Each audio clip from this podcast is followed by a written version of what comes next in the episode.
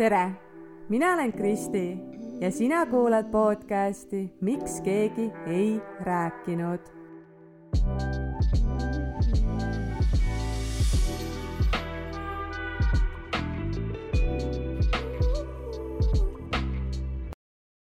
hei, nende kõige esimeste sõnade leidmine on alati selline raske osa et ei tea, mida, mida öelda, kuidas öelda, aga kui juba siin natukene on see ots nüüd lahti tehtud, siis äh, ma usun, et siit edasi on natukene kergem äh,. ma tahaks öelda, et ma ei suuda uskuda, et ma praegu seda podcast'i lindistan, aga ma ei saa nagu päris nii ka enam öelda, sellepärast et ma tegelikult mõned päevad tagasi juba lindistasin seda esimest osa sisse, aga see läks natukene tuksi ja nüüd on siis katse kaks aga selle võrra on äh, tunne ka juba natukene mugavam. ei no mis ma ikka tegelikult jama ajan, äh, jumala pekkis värk on, et, et ma nagu lindistangi päriselt uuesti, sest ma tõesti tahan seda teha. ma tõesti tahan teha enda podcast'i. kui ma eelmise aasta lõpus mõtlesin, et äh, mida ma sellelt kahe tuhande teiselt aastalt ootan, siis üks mõte, mis mu peast läbi käis, oli see, et nii äge oleks kusagil podcast'is rääkida. Äh, kes seda oskas siis arvata, et äh, ma räägingi podcast'is sel aastal, ainult et päris minu enda omas. siinkohal tahan ma sulle öelda megasuure aitähi selle eest, et, äh, et sa oled mulle võimaluse andnud ja mind siia kuulama tulnud, et tõesti suur aitäh, see tähendab mulle hästi palju huh kuidas äh, see siis niimoodi läks, et äh, mina olen otsustanud äh, podcast'i tegema hakata? see mõte tegelikult kerkis esile juba pea kolm aastat tagasi. ma olen ise hästi suur podcast'ide kuulaja ja mulle väga meeldib erinevate inimeste lugusid kuulata, sest need on nii inspireerivad ja kuidagi sellised sütitavad, et päris inimesed oma päris äh, lugudega. ja ma olen ise ka selline inimene, kellele meeldib enda mõtteid äh, nii-öelda laiemale publikule siis jagada ja sellest tulenevalt äh, olengi tundnud, et äh, tahaks ka sellises äh, audioblogi vormis siis oma, oma erinevaid äh, lugusid rääkida. kolm aastat on mööda lennanud ja ma alles nüüd tunnen, et minus on nagu piisavalt enesekindlust ja sellist eh, küpsust, et eh, selle asjaga siis nüüd algust teha. Ehm, tahaksin ka mainida ära selle, et, eh, et sellise, ütleme sellise viimase suurema sellise tõuke andis minu silmis Eesti podcast'ide täielik kuninganna Blondcast ehk Katri Teller. ma kuulasin mõni aeg tagasi teda Sportlandi poodis rääkimas ning äh, see, kuidas ta, kuidas ta rääkis sellest podcast'i tegemisest ja, ja kuidas ta julgustas tegelikult äh, selles osas, et, et Eestis on veel ruumi uutele podcast idele ja, ja see kuidagi andis mulle nagu jälle seda uut tuhinat, et, et, et selle asjaga äh, algust teha. et ma tegelikult ei ole sellest rääkinud põhimõtteliselt mitte kellelegi sellest plaanist peale oma elukaaslase kuid äh, nüüd ma rääkisin ka ühele oma sõbrannale sellest mõttest, ma, ma ei tahtnud nagu kellelegi enne selle alustamist äh,, enne sellega alustamist äh, midagi rääkida, sellepärast et ma natuke kartsin, et äkki on selline reaktsioon, et ah, mis mina ja midagi, kes mind kuulama hakkab ja kellele ma seda podcast'i teen ja nagu miks ja et, et tõmbab nagu mind alla sellest äh, foonist, et ma seda nagu ise teha soovin. ja nüüd ma rääkisingi sellest ühele oma väga-väga lähedasele sõbrannale kes on selline hästi ratsionaalne ja tasakaalukas ja suhteliselt ka ütleme, korraliku kriitikameelega inimene ja ma natuke nagu kartsin, et kuidas tema nagu reageerib sellele. aga see tagasiside oli kohe nii positiivne, et ta oli oh nii lahe, muidugi tee, millest sa tahad seal rääkida, et äh, et igatahes see jah, nagu kõik kuidagi on praegu minu jaoks niimoodi kokku jooksnud, et, et, et siin ma siis nüüd äh, olen mõtlesin, et, äh, et täna siin esimeses osas võiksite siis ehk äh, minu ja, ja minu nende eesmärkide või soovidega siis rohkem tuttavaks saada. et minu nimi on Kristi ja lähedased tegelikult on mind terve elu Kikuks kutsunud. ma saan jaanuaris juba või alles, ma ei teagi, kolmekümne kahe aastaseks ja mul on kolm väikest last. Ma olen elanud täiesti terve elu äh, Tallinnas. lapsepõlve suved veetsin äh, hästi suures osas ka Kesk-Eestis oma vanavanemate juures. hariduselt äh, on mul siis bakalaureusekraad Tallinna Tehnikaülikoolis õigusteaduste erialal ja enne siis seda, kui ma koduseks lastega jäin, siis ma töötasin ravimite hulgimüügi valdkonnas müügiesindajana aga nüüdseks ma olen juba sutsu üle kuue aasta olnud lastega kodune. Äh, mulle meeldib tohutult kirjutada, ma tunnen, et ma saan sedasi ennast kõige paremini võib-olla väljendada, kõik oma mõtted edasi anda. Ja aastal kaks tuhat kolmteist oli vist see, kui ma natukene siis katsusin juba varbaga esimest korda seda blogimaailma aga elu tuli kuidagi vahele ja siis see blogimine jäi natukene mul seal soiku. kuid äh, sealt edasi ma olen äh, vaikselt ikkagi tundnud äh, kirge selle vastu, et, et mingit sisu luua ja, ja sedasi ma olen nüüd vaikselt pea kaks aastat tasapisi ka Instagramis toimetanud ja, ja oma asju ja mõtteid siis jaganud seal ma elan täiesti sellist tavalist elu ja olen selline nii-öelda Harju keskmine inimene, eks ole. Eh, eks mul on need eh, omad eh, igasugused teemad ja lapsepõlve traumad ja kõik jutud, nagu meil kõigil, eks ole. mul ei ole ühtegi õde ega venda ja ma tulen tegelikult katkisest perest, aga eks ma sellest kõigest räägin pikemalt mõnes järgmises osas ma olen küll täiesti tavaline Eesti naine, nagu ma ennist mainisin, siis äh, mida aeg edasi, seda enam ma tunnen, et äh, selle sõna tavaline taga on tegelikult alati midagi oluliselt sügavamat, midagi, midagi suuremat, et äh, vaga vesi, aga sügav põhi. ma olen oma senise elu jooksul teinud tegelikult igasuguseid tegusid. ma olen elu, elanud ikka üpris kirevat elu seal kahekümnendates üldse kogu elu jooksul lapsepõlvest alates ma arvan, et ma olen kogunud, kogenud äh, väga mitmekülgseid olukordi, väga palju midagi sellist, mida, mida ei peaks ka üks laps kogema. aga kui ma nüüd mõtlengi, ütleme sellisele varajases kahekümnendates iseendale ja sellele, et miks keegi ei öelnud ehk et see podcast on natukene mõeldud sellele noorele ullikesele minevikuminale ja tegelikult kõikidele teistele naistele, keda sarnased teemad siis elus puudutavad. ma olen nüüd kolmekümnendates eluaastates oluliselt küpsem ja teadlikum kui kahekümnendates, mis on ilmselt täiesti normaalne. ma arvangi, et, et enamus kahekümneseid on ikkagi veel, veel lapsed, et äh, sa-, samas tunnen ma, et ma olen äh,, et ma olen alles hetkel jah, et äh, praegu olen selle päris minaks kasvamise tee alguses siis, et need muud kestad on nagu, ma olen need nagu suutnud endast maha jätta ja nüüd hakkab nagu tee selleni, kes ma nagu päriselt olla tahan. ja see podcast ongi loodud selleks, et äh, mina saaksin siis äh, koos sinuga siin õide puhkeda,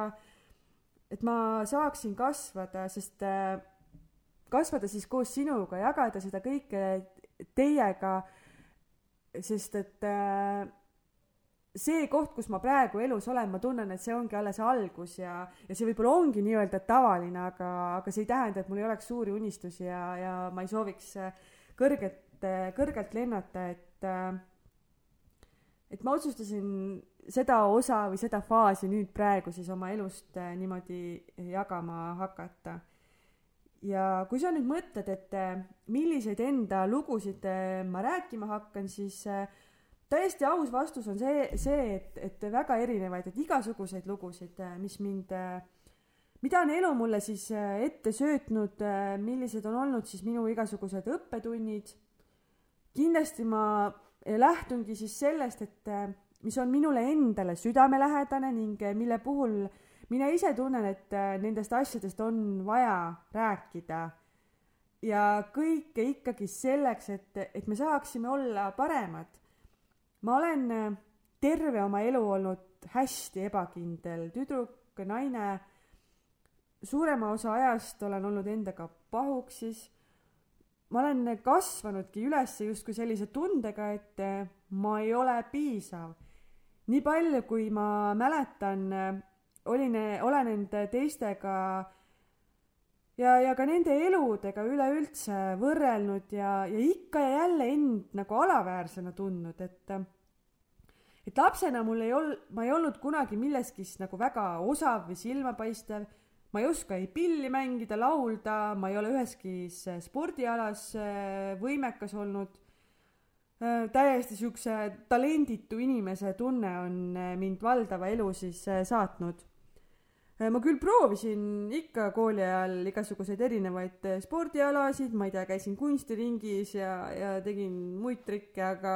aga millegi vastu ei tekkinud mul endal ka nagu sellist kirge või, või ma, ma ikkagi jah, lähtusin ilmselt sellest, et kuhu teised lähevad, et siis, siis mina, mina lähen ka. ja peale selle, et mul puudus see selline sisemine sära ei, ei olnud tegelikult seda või no ma ise ei tundnud, et mul oleks ka seda nii-öelda väljaspool olnud, et et ma ei tule kuskilt äh, jõukast äh, perekonnast ega, ega, ega tänu sellele mul ei ole olnud ka mingeid kõige vingemaid, ma ei tea, asju, riideid, mänguasju, mingeid mänge või mis, mis iganes asju, vidinaid, ei käinud kuskil ägedatel reisidel ega ega midagi. Ja, ja kuigi ma ei mäleta nagu seda ka, et ma otseselt nagu tollel ajal oleksin ennast selle pärast kuidagi väga palju halvemini tundnud, et, et eks ma ikka igatsesin või mõt-, noh, kui ma kellegi teise juures mingi Barbi-majaga mängisin või, või arvutit sain kasutada, et, et, et eks ikka oli sihuke tunne, et oh, tahaks endale ka, aga, aga samas ma arvangi, et, et siinkohal oli nagu hästi oluline koht sellele, et mul olid äh,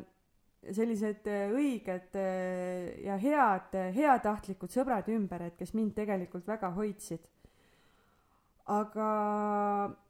kuna jah, ma ise ei tundnud, et minus midagi ülemäära erilist oleks ja, ja teisi ma nägin kuidagi hoopis erilisemas võtmes, siis äh, minu tee oligi proovida olla nende teiste moodi. ja ma kogu aeg tundsin, et ma väga tahan ja pean kuskile kuuluma, et kui ma kuulun ise selliste võib-olla natukene silmapaistvamate inimeste hulka, et, et, et siis äkki olen mina ise ka selline või natukene rohkem on mul selleks võimalusi ja kooli ajal ma tegelikult äh, võikski öelda, et ma olin enda klassis nii-öelda nende popimate tüdrukutega ühes kambas.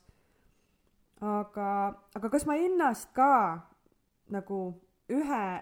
ühe nende samaväärse, samaväärsena nagu tundsin või pigem vist tegelikult mitte, sest et ma alati ju võrdlesin end nendega ja ma tundsin alati, et neil on rohkem antud ja neil veab elus rohkem ja ja need, nad oskavad rohkem ja, ja kuidagi et kõik need teised minu sõbrannad on siis minust palju ilusamad ja tähelepanuväärsemad. Ma polnud isegi ju mitte sama peenikene ja, ja sellest hakkaski niisugune omaette saaga, et äh, sõbrannade poolt ma jah, ei tundnud end kunagi mitte kuidagi tegelikult kõrvalejäetuna eks ikka oli selliseid perioode, kui vahel sain ühega paremini läbi ja vahel teisega. aga pigem ma jah tundsin puudust sellisest kolmandate osapoolte poolt tulevast tähelepanust ja tunnustusest, et et nii siis võib-olla mingisugused silmarõõmud kui ka, kui ka õpetajad, et et mind nagu jah, ma nagu ootasin kogu aeg, et keegi mind ka märkaks. aga paraku ei, ei tulnud piisavalt või, või sellist, sellist kinnitust sealtpoolt, et, et mina olen ka keegi. ja teismelisena loomulikult mängis see ju hästi kõvasti rolli sellele enesekindluse kujunemisel, et kuna mul seda juba nagunii eos väga ei olnud, siis, siis seda just nagu eriti juurde ka ei selle elu ja suhtumise ja selle kõigega ma kuidagi ei osanud nagu kasvatada. ja seal puberteedieas ma hakkasin ikka väga ladusalt äh, kaalus juurde võtma ja olin ikka teistest äh, oluliselt kobedam, siis ma alati arvasingi, et see on nagu üks suur taak mul kaelas ja see ongi kõiges süüdi, et ma olen lihtsalt paks. ma uskusin nagu täiesti siiralt, et kui ma oleksin peenem, siis juhtuksid ka minuga igasugused sellised toredad asjad nagu peikad ja värgid. aga ma ei osanud kunagi mõelda jah, sellele enesekindlusele ega sellele, et, et, et mida ma iseendas väärtustan või ma ei osanudki mitte midagi iseendas vist väärtustada, mul on selline tunne.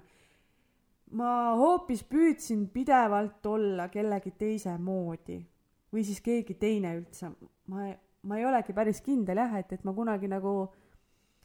mina ise oskasin olla. ma, ma ei teadnudki, kes ma ise olen, ma arvan. ja ma otsisin paaniliselt äh, kasvõi sellise ebareaalselt kõva ja räuskava ja väljapaistva naeruga äh, seda tähelepanu ja ilmselt ka üritades siis sellega ennast kuidagi enesekindlamalt näidata või siis välja paista. tagantjärgi mõtlen, et täitsa piinlik kohe milliseid äh, kajakaid ma siis maha panin. Minu kindel arvamus oli kogu aeg see, et mina pean teistele meeldima, et see on nagu A ja O, sealt algab kõik. ma pean hullult pingutama, et ometi saaks teiste, eriti siis teismeeas hakkas tulema see, et eriti poiste siis heakskiitu. Ma sain tegelikult just nagu poistega sõbra tasandil ja niimoodi nagu me tegime hullult nalja ja värki, et me saime täiega hästi läbi, aga, aga jah, ütleme sellist nagu romantilist poolt oli siis, või romantiline osa oli nagu see, mis oli siis puudu, et äh, tegelikult ma vist otsisin seda väljaspoolt oma inimesi ka, ka teistest, äh, üldse nagu teistest ägedatest inimestest, et kui me käisime kuskil pidudel ja seal olid mingid uued ägedad tüdrukud, siis kui ma vahel nagu üritasin, aga ei saanud mõne teise cool'i tüdrukuga seal sina peale, siis ja minu, näiteks minu sõbranna sai temaga kuidagi väga hea kontakt, et siis mul tekkis selline sihuke vastik kadedus, armukadedus ja ma tundsin nagu veel rohkem, et ma ei ole nagu mitte kellegi jaoks nagu piisav, et et see uus inimene nagu ei võta mind omaks, mu sõbranna kuidagi ei pane nagu mind tähele ja ja see, kuidas ma iseend Äh, nägin ning oma, oma kehapilti ja minapilti tajusin, see pani aastast aastasse mind aina enam uskuma seda, kui mõttetu ma olen. Loomulikult läks sealt palju veerema ja, ja mõjutas äh, edaspidi ikka väga kõvasti minu, minu elu ja minu valikuid. ma olin kuni põhikooli lõpuni ikkagi sihuke nelja-viieline väga hea õpilane, lahtise peaga, tubli. mul ei olnud see koolis käimine mitte mingisugune probleem, aga kuidagi sinna gümnaasiumisse minnes mul katus sõitis ikka tegelikult päris korralikult ära, et ma, ma ei tea isegi, mille vastu ma nagu streikima hakkasin. aga ma otsustasin ikkagist, et äh, oleks lahedam äh, mitte väga koolis käia, vaid hoopis näiteks pidutseda või lihtsalt kuskil mööda kaubanduskeskuseid käia ja midagi muud teha. ja olulist rolli mängis selles ka see, et äh, sõbrannad ja siuksed seltskonnad natukene ka vahetusid. Ja tegelikult ega isegi ülikooli ajaks polnud olukord oluliselt äh, paremaks muutunud ning äh, kuna mul puudus selline siht elus, ma olin ju pidevalt terve senise elu iseenda eest ja iseenda mõtete ja soovide eest põgenenud ja ma isegi ei teadnud, mis mulle meeldib, siis oligi väga raske mingit sihti leida või mingit sellist äh, kirge, mille poole siis äh, liikuma hakata. Ja ega siis sealt jah, midagi silmapaistvamat ei tulnud. kõiki neid äh, ülikooli aastaid hakkas saatma ikka selline väga ebaterve suhe toiduga ning äh, tagantjärgi ma saan aru, et äh, mitte ainult toiduga, vaid ka alkoholiga. lõputud äh, dieedid dieedi siuksed edukamad perioodid äh, vaheldusid siis selliste meeletute õgimishoogudega ja ma ikka pidutsesin nädalas mitmetel päevadel alkoholikogusid ja see, mida ma nagu endaga tegin, see oli ikka metsik. ja, ja selle kõige kõrval ma siis kogu aeg otsisin äh, nii paaniliselt seda,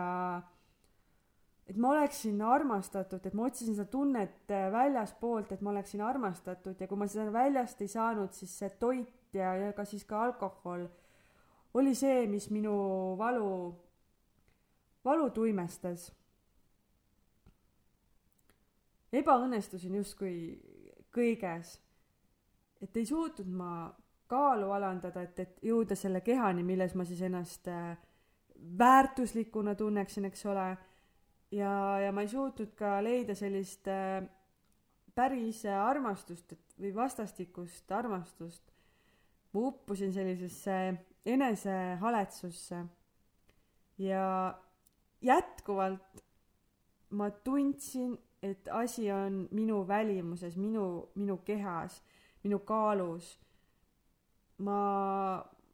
võisin hakata leidma endas igasuguseid eh, vigu, mida rohkem ma peeglisse vaatasin, seda rohkem vigu oli. ja ma tundsin ennast ikka nagu nii mõttetuna, sest ma ei meeldi mitte kellelegi, et kõikidel mu sõbrannadel on juba võib-olla mingi kolmandad või neljandad peikad aga mul ei ole ikka veel seda, isegi seda esimest mitte, et mitte keegi nagu,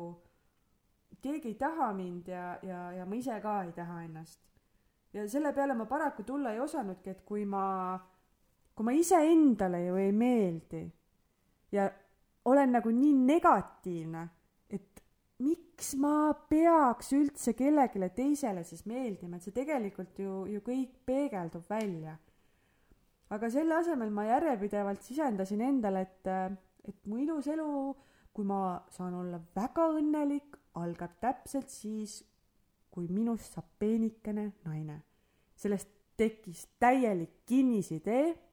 et kui kaalunumber algab viiega, siis on elus kõik probleemid lahendatud. Ma mäletan hästi seda sihukest aastat või kahte, kui ma selle nimel vahepeal seitse kuni üheksa korda nädalas äh, trennis käisin, see tähendas seda, et ma mõnel päeval olin kaks korda trennis. ja vahel ma olin kolm tundi järjest seal jõusaali masinate peal, ma arvan, ma olin täiesti ribadeks. ja siis sealjuures ma sõin tuhat kakssada kalorit päevas aga mul ei läinud ikka kaal alla, sest ma arvan, mu keha oli lihtsalt nii stressis ja nii šokis sellest, mida ma tegin ja siis vahepeal tulid need õgimishood vahele ja keha ei andnud tegelikult endast mitte midagi ära. ja no ega ma väga nagu teadlikult ka ei treeninud, et eks ma rohkem vaatasin seda kalorikulu seal ja ja see kõik oli lihtsalt nii kuradi ebaterve. et palun, palun, tüdrukud ja naised, ärge tehke endale nii. mul on tegelikult ka iseendast nii kahju, mul on nii kahju, mida ma olen endale teinud ja kui palju ma olen endale haiget teinud ja liiga teinud ja, ja oma tervisele täielikku mingit šokki ja koormat tekitanud. ja nagu näha, siis isegi nagu seda teed minnes ma ei saanud äh, selliseks, nagu ma siis ideaalis soovisin. kuna mul oli hästi suur äh, armastuse puudus ja ma otsisin seda väljaspoolt, siis ma armusin tegelikult väga kergesti äh, igasse kutti, kes siis mulle natukene rohkem tähelepanu pöörasid. ja see meeletu vajadus tunda ennast armastatuna ja, ja tänu sellele, et, et natukenegi keegi mulle tähelepanu pööraks ja kasvõi korra kuus mingid ilusad sõnad mulle ütleks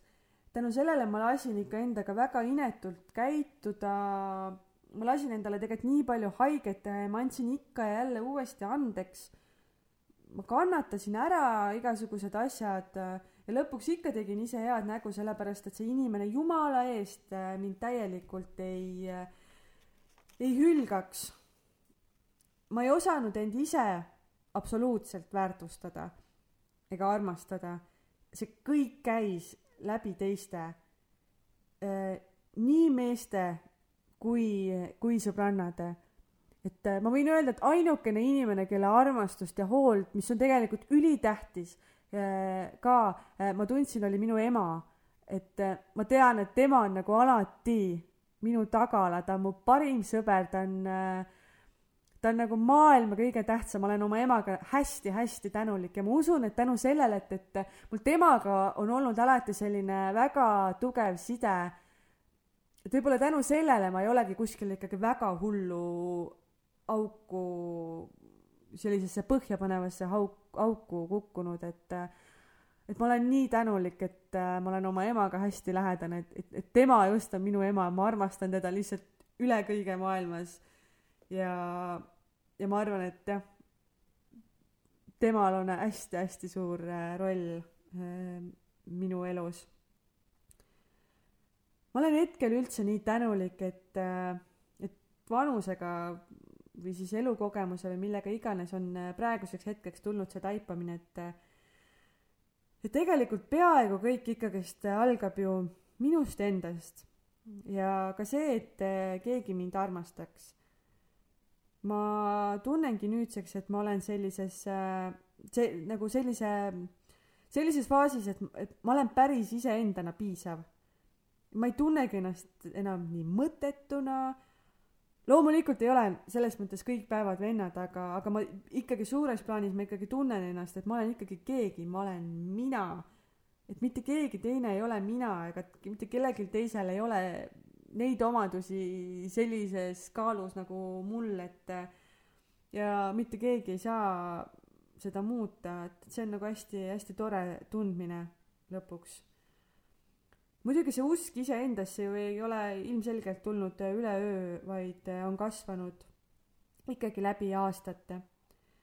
et kahe tuhande neljateistkümnendal aastal oli, oli minu elus siis esimene selline päris niisugune korralik madalpunkt, kus ma siis tundsin, et äh, ma enam ei jaksa ja tõesti, ma ei suuda ega saa ega oska lihtsalt sellisel viisil enam elus edasi minna, et äh, ma otsisin abi ja, ja õppisin vaikselt äh, lahti laskma asjadest, mis mulle siis hästi ei mõjunud äh,. ma palusin ise andeks inimestelt, kellele ma olin äh, väga palju haiget teinud, väga inetuid asju teinud ma, ma siiralt äh, soovisin vähemalt veel korra proovida seda ühist keelt leida. ma küsisin selgitusi ka inimestelt, kes olid mulle haiget teinud või, või lihtsalt üritasin igasugused lahtised otsad enda jaoks siis kuidagi ära lõpetada. Et, et minna oma eluga natukene puhtamalt lehelt edasi ja sellega ma leidsin endas mingi teatava rahu mis andis mulle elus sellise koha, kus ma nagu esimest korda rohkem äh, suutsin ennast prioriteediks seada või kuidagi iseendasse hakata vaatama. tänaseks on muidugi kaheksa aastat sellest juba möödas ja mis seal salata, tegelikult on lugu selline, et äh, üle natuke üle kuu aja tagasi leidsin mina ennast äh, psühhiaatriakliiniku erakorralisest vastuvõtust ja ja mis jõudis siis selleni, et äh, teist korda elus ma alustasin antidepressantide kuuri. et äh, olen siin koduse emana ka läbi põlenud ja depressioonis ja mitte, et siis see veel nagu piisav oleks olnud, siis seekord lisandusid mulle veel korralikud sellised äh, paanikahood. aga ma kavatsen äh, sellest äh, jamast ennast ikka täiesti läbi närida väga kiire, mitte kiiresti, aga aga väga teadlikult ja, ja, ja tulla sellest oluliselt vägevamana ja tugevamana välja. Nende kahe natukene siis äh, sarnaste äh, eluetappide vahele mahub tegelikult ju veel nii mõndagi, et, äh, et just siis, kui ma seal kahe, kahe tuhande neljateistkümnenda aasta lõpus äh, hakkasin ennast aitama ja otsustasin natuke rohkem endale keskenduda ja, ja lasin lahti nagu sellest hästi suurest vajadusest kuskilt seda armastust äh,, armastust ja kaaslast leida, kes mu elu ilusaks teeks, siis äh, kes ei otsi, siis äh, see leiab äh,, pidas minu puhul ikka väga paika. et kohe kahe tuhande viieteistkümnenda päris esimestel päevadel sain ma oma praeguse elukaaslase ja oma armsate laste isaga tuttavaks et tema on tegelikult minu esimene selline päris peika ja päris suhe, mis on siis juba kohe-kohe kaheksa aastat kestnud. samal aastal, kui me tutvusime, ma lõpetasin ka ülikooli ja, ja peale poolt aastat tutvust me juba äh, kolisimegi kokku. ja asjad käisid meil ikka täitsa kiiresti, kuidagi see tunne oli õige, nii et järgmise aasta ehk siis kahe tuhande kuueteistkümnenda aasta septembris me saime juba lapsevanemateks, et meiega liitus beebipoiss. mina sain emaks ja ma sain hemoroidid oh,. oli see alles sõit. sünnitusest taastumiseni kõik need emasüümekad ja enda tassi täis hoidmine kuni ma ei tea, püüdluseni mitte üldse peast hulluks minna ja, ja kuidas neid lapsi on õige kasvatada ja mida teha ja, ja kõik see, et äh, see on crazy. aga et ikka nagu veel põnevam oleks, siis käisin ma nii kahe tuhande kaheksateistkümnendal kui ka kahe tuhande kahekümnendal aastal sünnitusmajas kisamas ja tõin lisaks esimesele siis veel kaks beebit koju. ausalt ka ma ise vahel mõtlen, et et äh, ma olen ikka puhtas sooda peast, et äh, nelja aastaga tegelikult äh, kolm last saada järjest sedasi oh,. see on, see on füüsiliselt kehale ikkagi tegelikult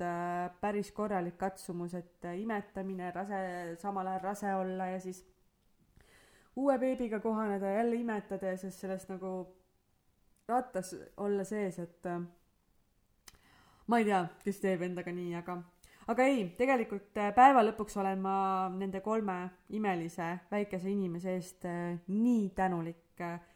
ma olen tänulik oma kehale ja kogu elule, et, et mul on võimalus, äh, on olnud võimalus saada emaks ja ja loomulikul teel neid sünnitada ja ma olen saanud endale imelised terved lapsed,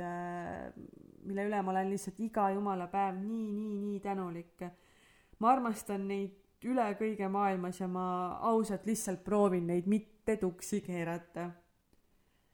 peale viimase lapse sündi käis minus mingi järgmine selline klikk ära.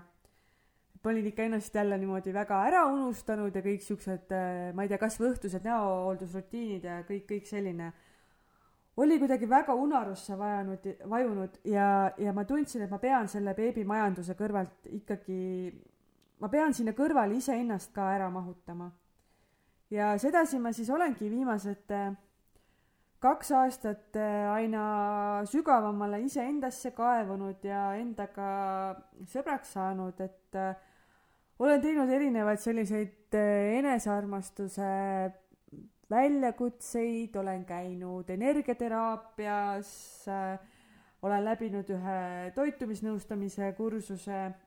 et olen nagu jah, rohkem endale tähelepanu hakanud äh, pöörama ja, ja tänu sellele ka iseendaga ilmselt äh, natukene suuremaks sõbraks saanud. hakkan vaikselt aru saama ka sellest, et, et kes siis mina, mina, Kristi, mina, see kogu see kupatus siin, et, et kes ma päriselt olen et, et mida ma päriselt tahan, ma olen julgenud nagu sellele kõigele otsa vaadata ja aru saanud sellest, et ma ei pea ennast kellelegi tõestama ega selgitama, kui ma tahan midagi teha. tänu sellele ma tunnen, et ma olen tõesti nagu iseenda jaoks tähtsaks muutunud. et ma äh, kuidagi olen hakanud teadlikumalt enda sisse vaatama, võtma omale aega olema rohkem iseendaga. See on hästi palju mind rahustanud ja kindlasti muutnud enesekindlamaks. Äh, et tunnen, et ma olen nagu aina parem selles, et kuidas kõike iseendale pakkuda, mida mul vaja on või millest ma puudust tunnen, et mul ei ole vaja seda kuskilt mujalt otsida, et ma tegelikult saan nagu kõike endale ise anda. Ja, ja sihukest eneseusku on hästi palju juurde tulnud, mis on tegelikult nii, nii ilus. ja aina rohkem ma usungi, et mulle piisabki iseendast. oskan iseendaga koos olles leida sellise turvatunde ja, ja rahu. Et see ei ole iga päev ühtemoodi, aga, aga ma mõtlengi just sellises suuremas plaanis. et ma ei pea end mitte kuidagi läbi teiste inimeste defineerima või, või see, kas ma olen paari suhtes või ma ei ole paari suhtes või ma ei tea, ma olen ema või ma käin tööl või ma käin trennis või ma ei tea, koon sokke või teen süüa või mis iganes, et, et need, need asjad nagu üldse tegelikult ei defineeri seda, kes mina olen või minu unistusi. ja nagu uskuge või mitte, aga minu seitsekümmend kilo kehakaalu ei defineeri ka mind või minu kõhuvoldid ei, või tselluliit ka ei defineeri mind, et ja üleüldsegi head asja peabki palju olema. okei okay,, see oli nüüd väike nali või, või kas ikka oli, onju, et ma ei tea, noh ma ei, ma ei põe enam nagu nende kaalunumbrite pärast ka ja, ja see on ka sihuke tohutult äh, vabastav asi, millest ma kindlasti mingil hetkel äh, pikemalt räägin. Hästi hea on tunda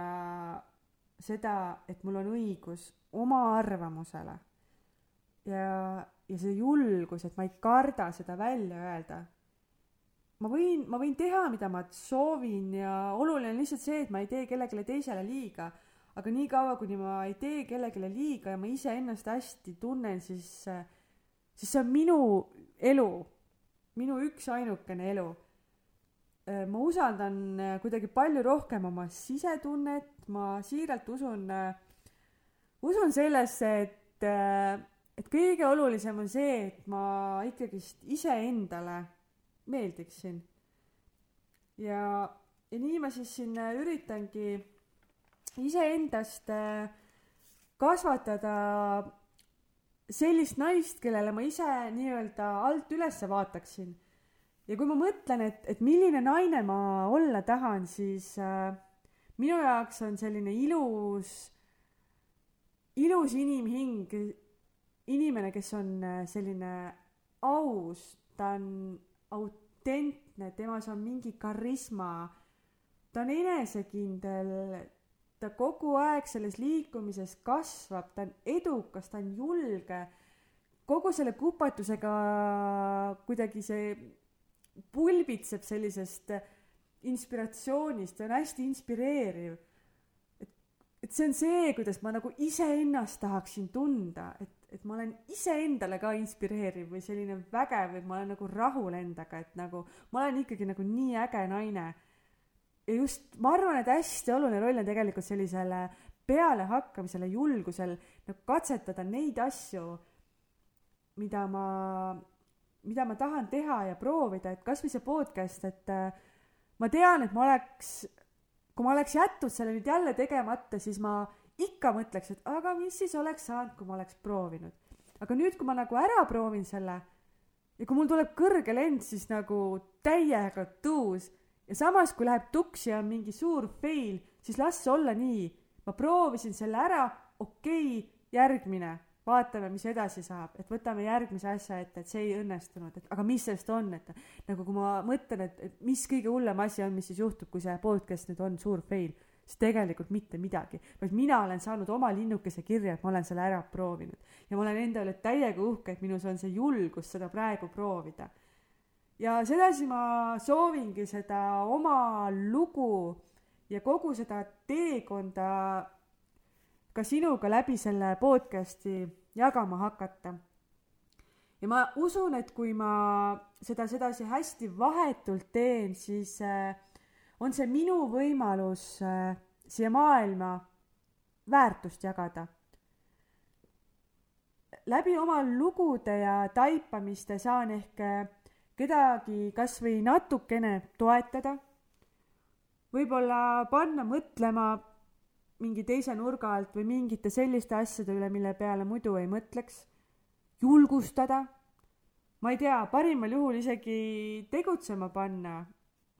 et äh, oleksid äh, julgem või parim, parem versioon iseendast äh,, mis iganes. Samas miks mitte ka seda, et, et, et minu öeldud asjad võib-olla käivitavad äh, sinus midagi, vajutavad mõnele valupunktile või lihtsalt meie arvamused ristuvad, et ka see on hea, ma arvan. Kui, kui minu öeldu sinus midagi käivitab, paneb midagi liikuma, ärritab, siis see ei ütle tegelikult mitte midagi minu kohta. küll aga see ütleb äh, sinu enda kohta, et miks see nii on miks see asi sind ärritas, miks see sind käivitas, miks sa tahad nii või naa öelda, tunda, teha. Äh, need on äh, sellised äh, tulised tunded. minul on küll vahel nii, et kellegi välja öeldud laused on mind ärritanud ja siis kuidagi, kui ma sellesse süübin, siis, siis ma näen näen äh, mingeid erinevaid asju, mis siis hakkavad äh, üles tulema ja, ja võib-olla minu mingid valukohad, et, äh, et see on ka hea, et kui minu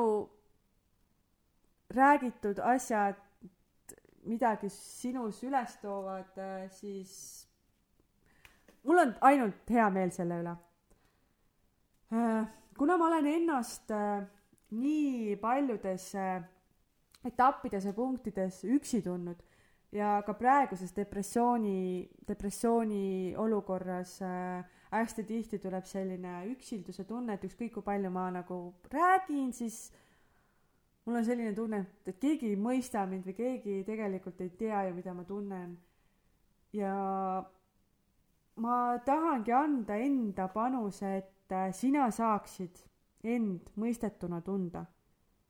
teades, et, et on veel keegi, kellel on äh, nii olnud kellega ehk äh, kuskil neid teemasid veidi pikemalt äh, arutada ja lahata. ja, ja kuna mu teemad on väga seinast seina, alates äh, kehapildist ja minapildist, ma räägin kindlasti depressioonist, erinevatest suhetest, igasugustest pettumustest ja petmistest, sellest armastuse puudusest, ebakindlusest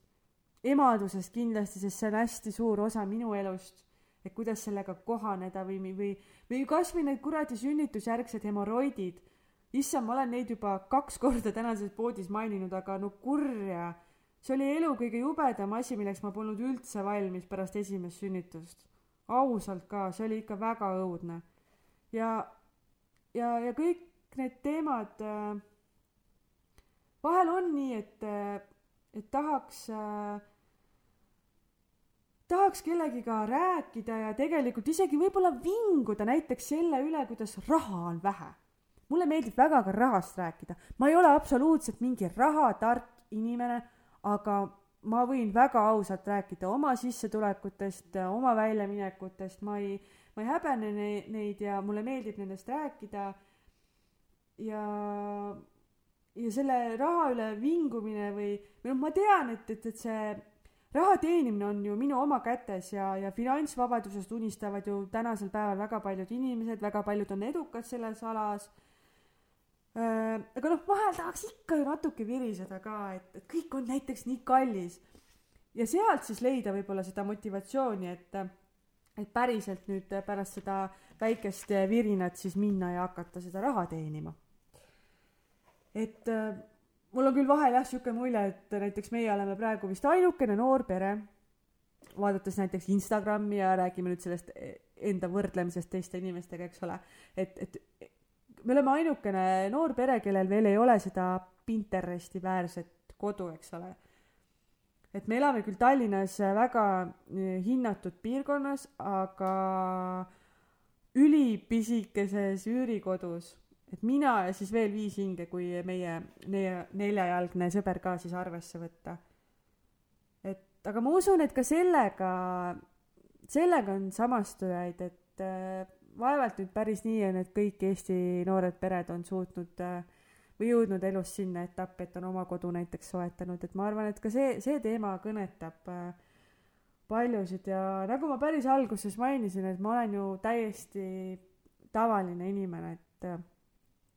mul ei ole veel, mul ei ole kuulsust ega tuntust, mul ei ole kalleid brändikotte ega uhket autot ega ma ei tea, villad Hispaanias, äh, mingit meeletult ägedat tööd. Samas nagu ma ei saa öelda, et need pole asjad, millest ma unistaksin või, või et need ei võiks näiteks viie või kümne või viieteistkümne või kasvõi kahekümne aasta pärast olla osa minu elust ja, ja see ongi see, see sõit, kuhu ma tahaksin teid äh, kaasa võtta. ühesõnaga, ma plaanin siin podcast'is võtta ette siis väga seinast seina teemasid, mis mind ennast puudutavad ja ma tõesti usun, et ma ei ole ainus, keda need siis puudutavad. selline jagamine nii rääkides kui ka siis kirjapildis mõjub mulle endale väga teraapiliselt ja, ja praegu siin rääkides ma tunnen, kuidas mul energia voolab lihtsalt kehas ja selline hästi mõnus ja ja hea olemine on ja see ei ole üldse veider siin üksi mikrofoni rääkida, et see on täitsa mõnus ja tore ja ma tunnen ennast täitsa hästi siin. ja ma väga loodan, et, et ka sinul on edaspidi neid lugusid ja arutelusid epiduraalist kuni armukeseks olemiseni huvitav kuulata, sama huvitav kuulata, kui minul neid siin praegu siis niimoodi sinule jutustada, et ja kui muidugi veel keegi saab siit mõne killukese endaga kaasa võtta, kui na-, miski natukene kõnetab või puudutab sind, siis, siis see on ju, siis see värk on ju täiega asja ette läinud, oma eesmärki täitnud, kui see natukenegi midagi kuskilt loksutab, võib-olla paremaks muudab. Mina igatahes tundsin praegu, et, et on see minu aeg jah, selline projekt siis ette võtta ja ja üsna kindlalt tuli see esimene osa selline toores võib-olla ja noh, ma isegi ei kujuta ette, kas ma ei ole ju seda saanud veel kuulata, et kas ma suutsin iga oma mõtte siis lõpuni sel viisil edasi anda, nagu see mõeldud oli. kas siit üldse oli nüüd siis aru saada, et kes ma olen ja, ja mis asja ma siia ajama olen tulnud, aga aga tead, ma mängin ka seda mängu ju täitsa esimest korda ning äh, nagu elu näitas, siis päris esimese salvestusega panime tehnikaga juba pange ja, aga mis sitasti see uuesti. ja loodan, et see osa on kuulatav ning olen megatänulik iga tagasiside eest. et äh, ma võtan absoluutselt igat asja, mis mulle vastukajana tuleb, äh, väga tõsiselt ja, ja proovin õppida ja, ja ikkagi ajas siis paremaks saada. Algus on nüüd igatahes tehtud ja eks siis paistab et kas siit tuleb kaks-kolm osa või tuleb siit kümme või hoopis sada osa, ma ei tea seda praegu. ma tunnen küll praegu ennast nagu natuke juba kala vees ja, ja mul on nii palju igasuguseid ideid ja mõtteid, millest ma tahaks rääkida, nii et ma, ma pigem usun, et, et neid osasid äh, tuleb. aga mida ma kindlalt saan lubada, on see, et ma jään iseendaks ja ausaks. ma üritan kõiki oma lugusid äh, rääkida niivõrd äh, neutraalselt, et ma ei, äh, ei too konkreetseid inimesi välja või ei tee kellelegi kuidagi haiget, aga samas ma tahan enda poolt rääkida asjad lõpuni, nii lõpuni kui vähegi võimalik on ausalt ära. Ja ma proovin selles äh, podcast'i maailmas siis olla ka kiire kohaneja ning, ning tõesti endast parima anda, et minu selline suurem eesmärk on ju ju hea, et head teha. ma tahan ju nii iseendas kui ka sinus äh, head äh, tunnet tekitada äh,. igatahes see on üliäge, tõesti, kui sa oledki nüüd minuga siiamaale jõudnud ja mind kuulanud. et tõesti hästi suur aitäh sulle selle eest ja ma siis mainin etteruttavalt ka selle ära, et järgmises episoodis ma plaanin äh, võtta ette sellise teema, et äh, miks keegi ei rääkinud, et äh, kõik kehad ei ole sugugi ühesuguseks loodud. ehk siis ma lag-, jagan iseenda kehapildi lugu ning, ning räägin kõigest sellest, millest ma olen läbi tulnud, alates siis toitumishäirest, enesesüüdistusest äh,, ennast äh, maha tehes, äh, kuidas ma olen äh, võidelnud igasuguste teemonitega, kuidas ma olen alati unistanud sellest, et ma olen peenikene ja, ja mis on need kõik need taipamised ja kuidas ma praegu, kuidas ma praegu iseennast enda kehas tunnen, mida ma arvan nendest kaalunumbritest ja äh, ja kõigest sellest, et äh, see saab jah, olema üks äh, selline, ma usun, et päris äh, sisukas ja värvikas lugu sellest min-, minu ühest ja ainsast ja ka sinu, mis on meie kõigi üks ainus, on meie keha, eks ole. et see saab olema jah, selline minu vaatevinklist võetuna siis arvamus sellest teemast ja minu, jagan oma kogemust siis selle, selle teema kohta aga okei okay,, ma nüüd tunnen, et ma hakkan juba natukene siin puterdama ja ja on aeg lõpuks need äh, otsad siis tänaseks äh, kokku tõmmata. seda juttu sai ju ikka siin jah omajagu, et äh, see on täiega kihvt, kui sa nüüd oledki suutnud selle kõik ära kuulata ja ja oledki minuga nüüd siiamaale jõudnud ja, ja see, ja ma tegingi selle ära et see ongi nagu varsti kõigile kuulamiseks või tähendab jah, et sina oledki praegu siin seda kuulamas, siis järelikult äh, ma olengi selle nagu täiesti ära teinud, üles laadinud, see on avalik, see on kohe päris valmis, et täiega äge. ma olen iseenda üle väga uhke praegu ja hästi tänulik elu üle, et mul on see võimalus tegelikult sihukest ägedat asja proovida ja teha. jah, igatahes äh, hoia ennast armas ja Ciao!